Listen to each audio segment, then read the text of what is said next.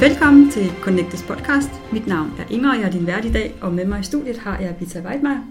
Vita, vil du kort præsentere dig selv? Ja, øh, jeg er praktiserende psykolog i Søborg, og øh, jeg har skrevet en bog, der hedder Forelsket i en drøm. Ja, og velkommen til. Øh, Visa, du har skrevet bogen Forelsket i en drøm, som er et supplement eller øh, en, et alternativ til bogen Kvinder, der elsker for meget, som, som mange måske kender.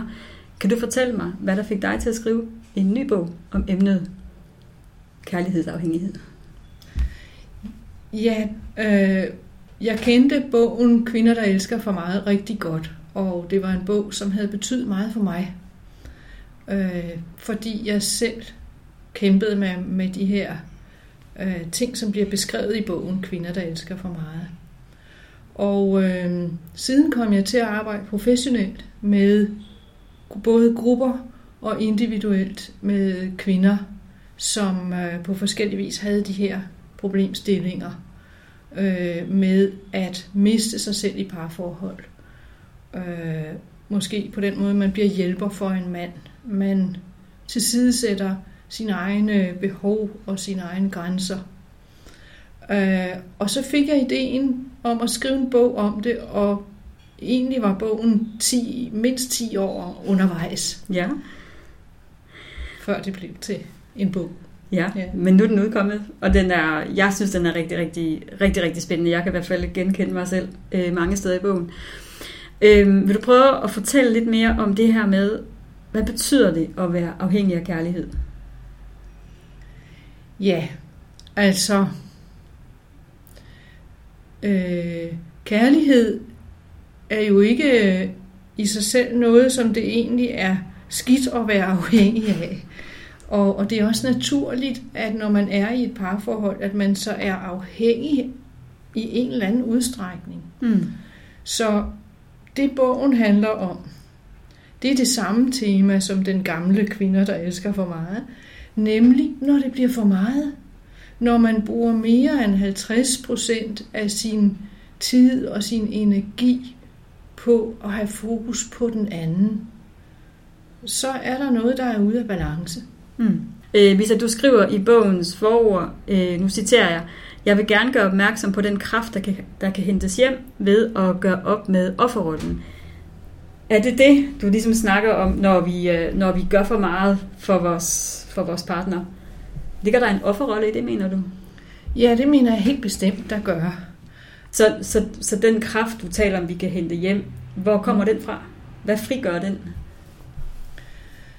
Øh, den frigør jo energi. Det handler om, at man giver slip på det spil, man har været involveret i. Det er ikke noget, man vælger bevidst, når man går ind i et parforhold, men der er spil imellem alle mennesker, og nogle spil er destruktive, og det er de i høj grad i de her, øh, som jeg vil kalde, usunde parforhold, hvor man... Øh, er, man kunne også sige det på den måde, der er mange kvinder, der udtrykker det på den måde, at de er for meget over i den anden. Ikke? Ja. De lægger deres energi hos den anden, så at sige, og gør ham til deres projekt.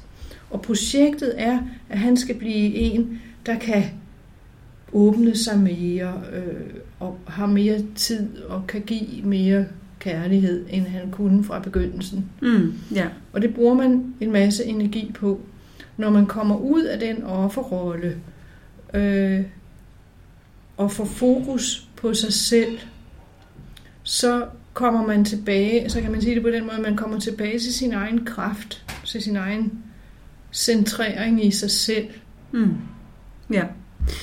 Øhm, du skriver også i foråret, at viljen til at påtage sig skyld er motiveret af et behov for kontrol og magt. Er det det spil, du taler om, der sker i vores relationer? Og kan du prøve at uddybe det? Ja, det vil jeg gerne. Altså det, den der vilje til at påtage sig skyld. Øh, min erfaring siger mig, at jeg tror ikke, jeg tager fejl, når jeg siger, at den altid stammer fra barndommen. At det er noget, vi har lært, da vi voksede op. Og, og dengang var det nødvendigt, øh, fordi vores forældre på en eller anden måde havde brug for, at vi tog, tog os af dem på den ene eller den anden måde. Måske beskyttede dem mod noget af os selv, som de ikke kunne rumme. Mm. Eller øh, hjalp dem med at klare øh, ting, som de ikke selv havde overskud til at klare. Så bliver man sådan en lille hjælper, der ja. påtager sig ansvar for mor og far. Sådan er børn. De er meget lojale, mm. ikke sandt? Så hvis der har været en situation, vi kan tage noget, hvad skal vi sige, meget øh, oplagt, det er, hvis mor og far drikker. Mm. Så bliver den barnet en lille hjælper, der holder kontrol med, hvad der foregår, forsøger at sørge for, at alting fungerer, og måske endda skal ud og hente en forælder på værtshuset. Det, det behøver slet ikke at være så ekstreme ting, vi kommer fra. Men pointen er, når vi er børn, er der en grund til, at vi påtager os det der, den skyld, som vi, eller det ansvar. Og så sker der det, når vi bliver voksne, at vi er blevet så vant til det. Det er blevet en overlevelsesstrategi for os. Vi er så vant til at tage os af andre, at vi føler skyld, når vi ikke gør det. Og så bliver vi, uden at ville være det, bliver vi kontrollerende på mm. mange måder. Mm. Vi er så vant til, at det er det, der skal til. Hvis man ser det fra barnets perspektiv, så handler det om at føle sig tryg. Mm. Ja. Ikke? Og det er det samme, vi gerne vil som voksne. Øhm, men i virkeligheden bliver det en del af en, eller mellem to voksne mennesker bliver det en del af en magtkamp, mm. kan man sige. Eller en magt, det vil opleves af den anden også, som at man prøver at få, få kontrol og dermed magt over, hvad der sker i forholdet. Mm. Ja, og, og det du siger, det er, at, at, at vi som børn kun kunne overleve, sådan sat på spidsen, kun kunne overleve ved at have, have kontrol over tingene, og den, den ja. uvane tager vi med ind i vores voksne relationer. Ja, man kan kalde det en uvane, øh, man kan kalde det en overlevelsesstrategi. Ja. Og faktisk er der meget godt med den øh, strategi. Den kan bruges i mange sammenhænge. Øh, de overlevelsesstrategier, vi tilegner os som børn, de sidder rigtig godt fast. Ja de er virkelig indlærte, ja, ja. og det kan bruges øh, i vores voksne professionelle liv. Øh, I servicefunktioner, i hjælpe øh, arbejde osv. Er det, er det en god ting at have overlevelsesstrategier med sig. Der ja. kan man vende det til noget positivt i sit voksne liv. Men det mener også, du skriver i din bog, at rigtig mange af de mennesker, der kæmper med kærlighedsafhængighed, ja. faktisk er beskæftiget i servicebranchen, og det, er, det ligger måske blandt andet, altså det kommer, det skyldes deres baggrund og deres opvækst. Ja, det ligger lige til højre benet. Ja, ja. ja. Øhm, I dit tal, eller i din bog, der, øh, der synes jeg huske, at du skriver, der er, i Vesten er der 45 procent af voksne mennesker, der har øh, de her, hvad hedder de? Tilknytningsproblematikker. Ja, lige præcis. Ja. Øhm, nu nævner du selv at, at, øh, at det, det kan skyldes, at man er vokset op i, en, i for eksempel en familie med alkohol. Altså jeg forestiller mig, at hvad hedder det, øh, den barndom, jeg havde, er jo ikke, eller forholdene er jo ikke som sådan nødvendigvis anderledes end den barndom, mine forældre er vokset op i. Hvorfor tror du, det fylder så meget i, i dag? Er det fordi, det er blevet synligt, eller er der nogle andre mekanismer, vi, som, vi, vi er vokset op i, som, som gør os til kærlighedsafhængige? Det var godt nok et langt ja, spørgsmål. Det, ja, og det er et stort spørgsmål også. Øhm, jeg er overbevist om, at øhm, det der med at ofre sig og underkaste sig, det er noget, kvinder har gjort i mange generationer. Det har måske øh, ikke været så øh, øh set som et problem tidligere, fordi det har været det, der forventedes ikke?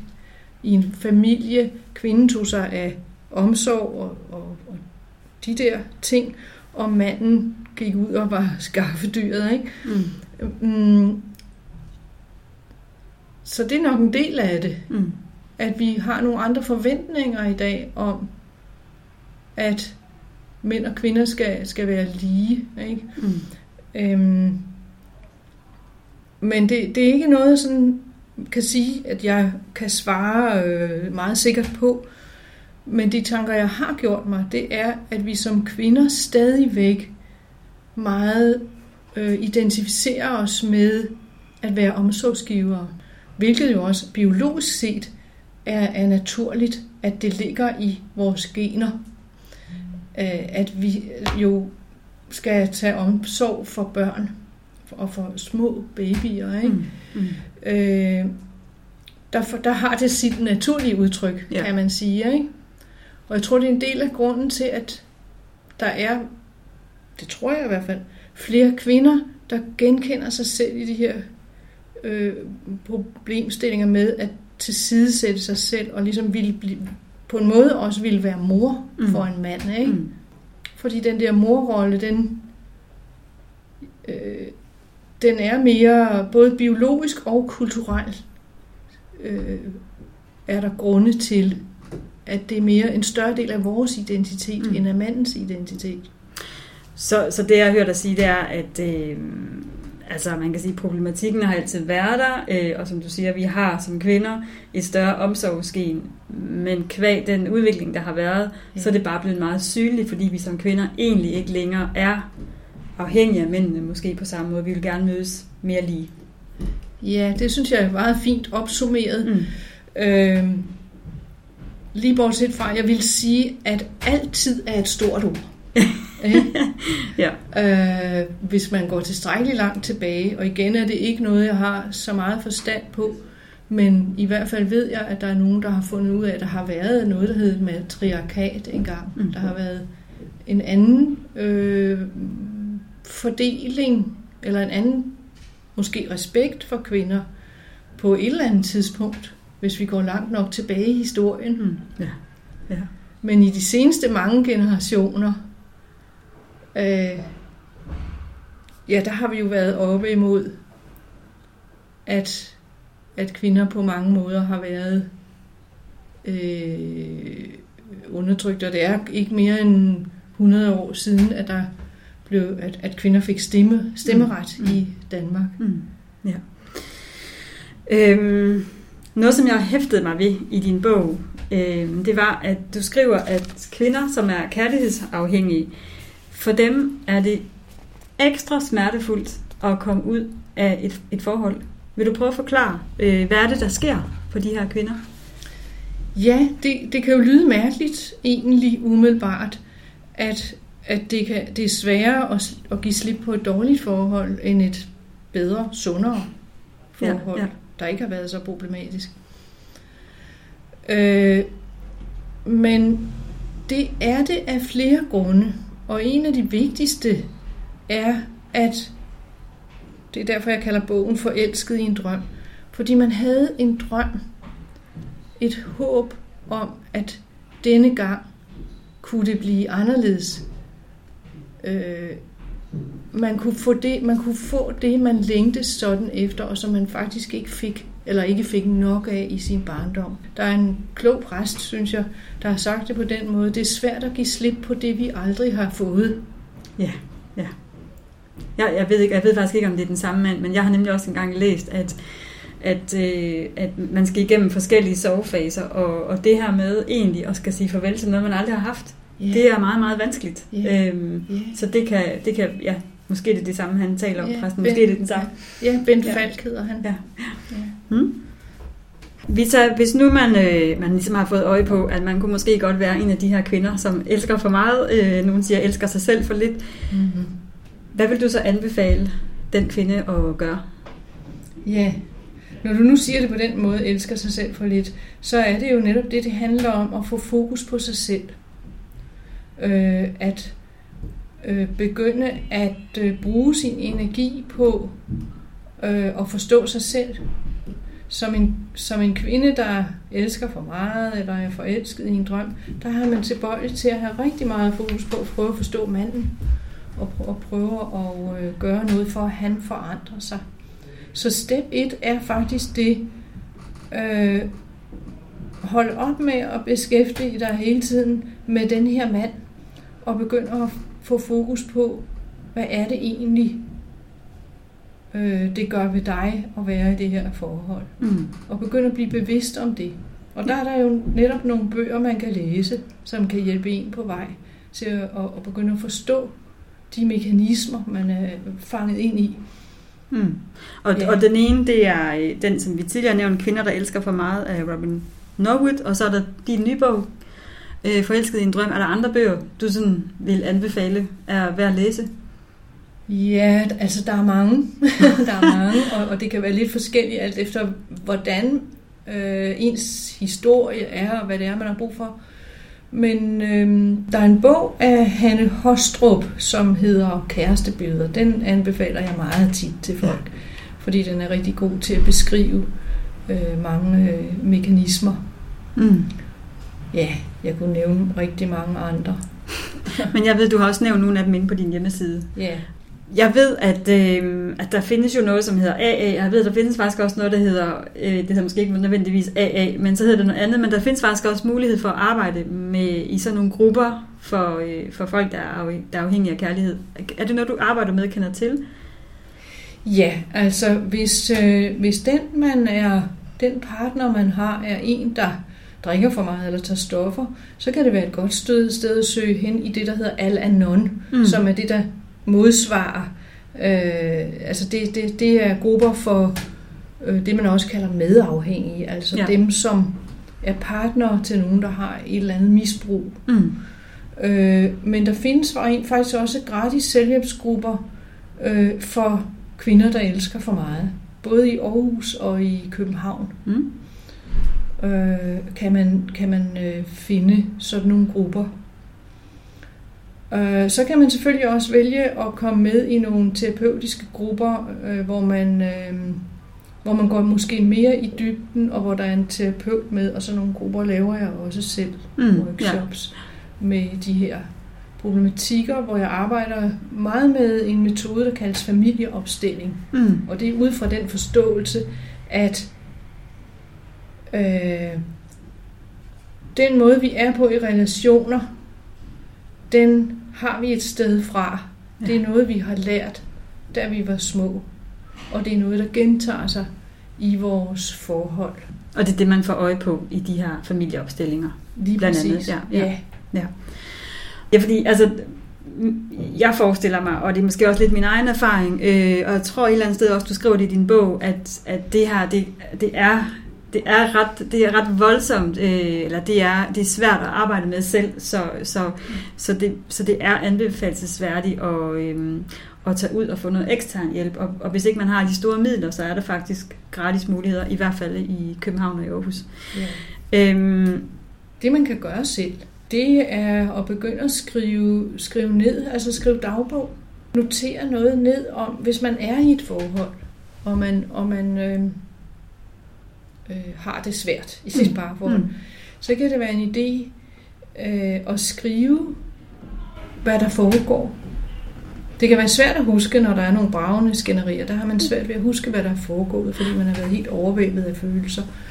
Men øh, det, man kan huske, er det godt at skrive ned, hvad der blev sagt, hvad der foregik, hvad der måske har gentaget sig for 117. gang. Ikke? mm, Fordi det kan være en hjælp senere hen, også hvis man vælger at afslutte forholdet, til at holde fast i sin beslutning, at man går tilbage og kigger, hvad var det egentlig? mm. Hvad var det nu, der var så problemfyldt? Ja. ja. Så hvis vi sådan lige skal summere op her, inden vi slutter, så, øh, så det, man kan, det man kan starte med at gøre Mm. øh, for sig selv, det er øh, skrive dagbog, øh, og den vil måske også tydeliggøre, hvor, hvor, hvor der er muligheder for forbedring i forhold til at gøre noget for sig selv. Ja. Så man kan lære også ja, at mødekomme sin egen behov, og dermed optræne noget, noget egenkærlighed. Ja. Mm. Og så får jeg lyst til at sige også, hvis man ellers har nogle fortrolige venner eller veninder, snak med dem. Ja. Ja. Så de kan støtte en i, at du øh, er øh, værdifuld, du er øh, værd at holde af. Fordi det er noget af det, man mister. Man mister mere og mere troen på sig selv, Mm. og at man er, er noget værd, og at man er værd at elske. Mm. Ja. Jamen, øh, tak Vita. Tak fordi du ville være med her i dag. Og øh, til jer, der lytter med, så kan jeg i hvert fald anbefale Vitas bog. Den hedder som sagt Forelsket i en drøm, og kan købes på hjemmesiden, der også hedder Forelsket i en drøm. Og øh, det var alt for i dag. Indtil vi høres ved igen, hvor I har det rigtig godt. Hej så længe.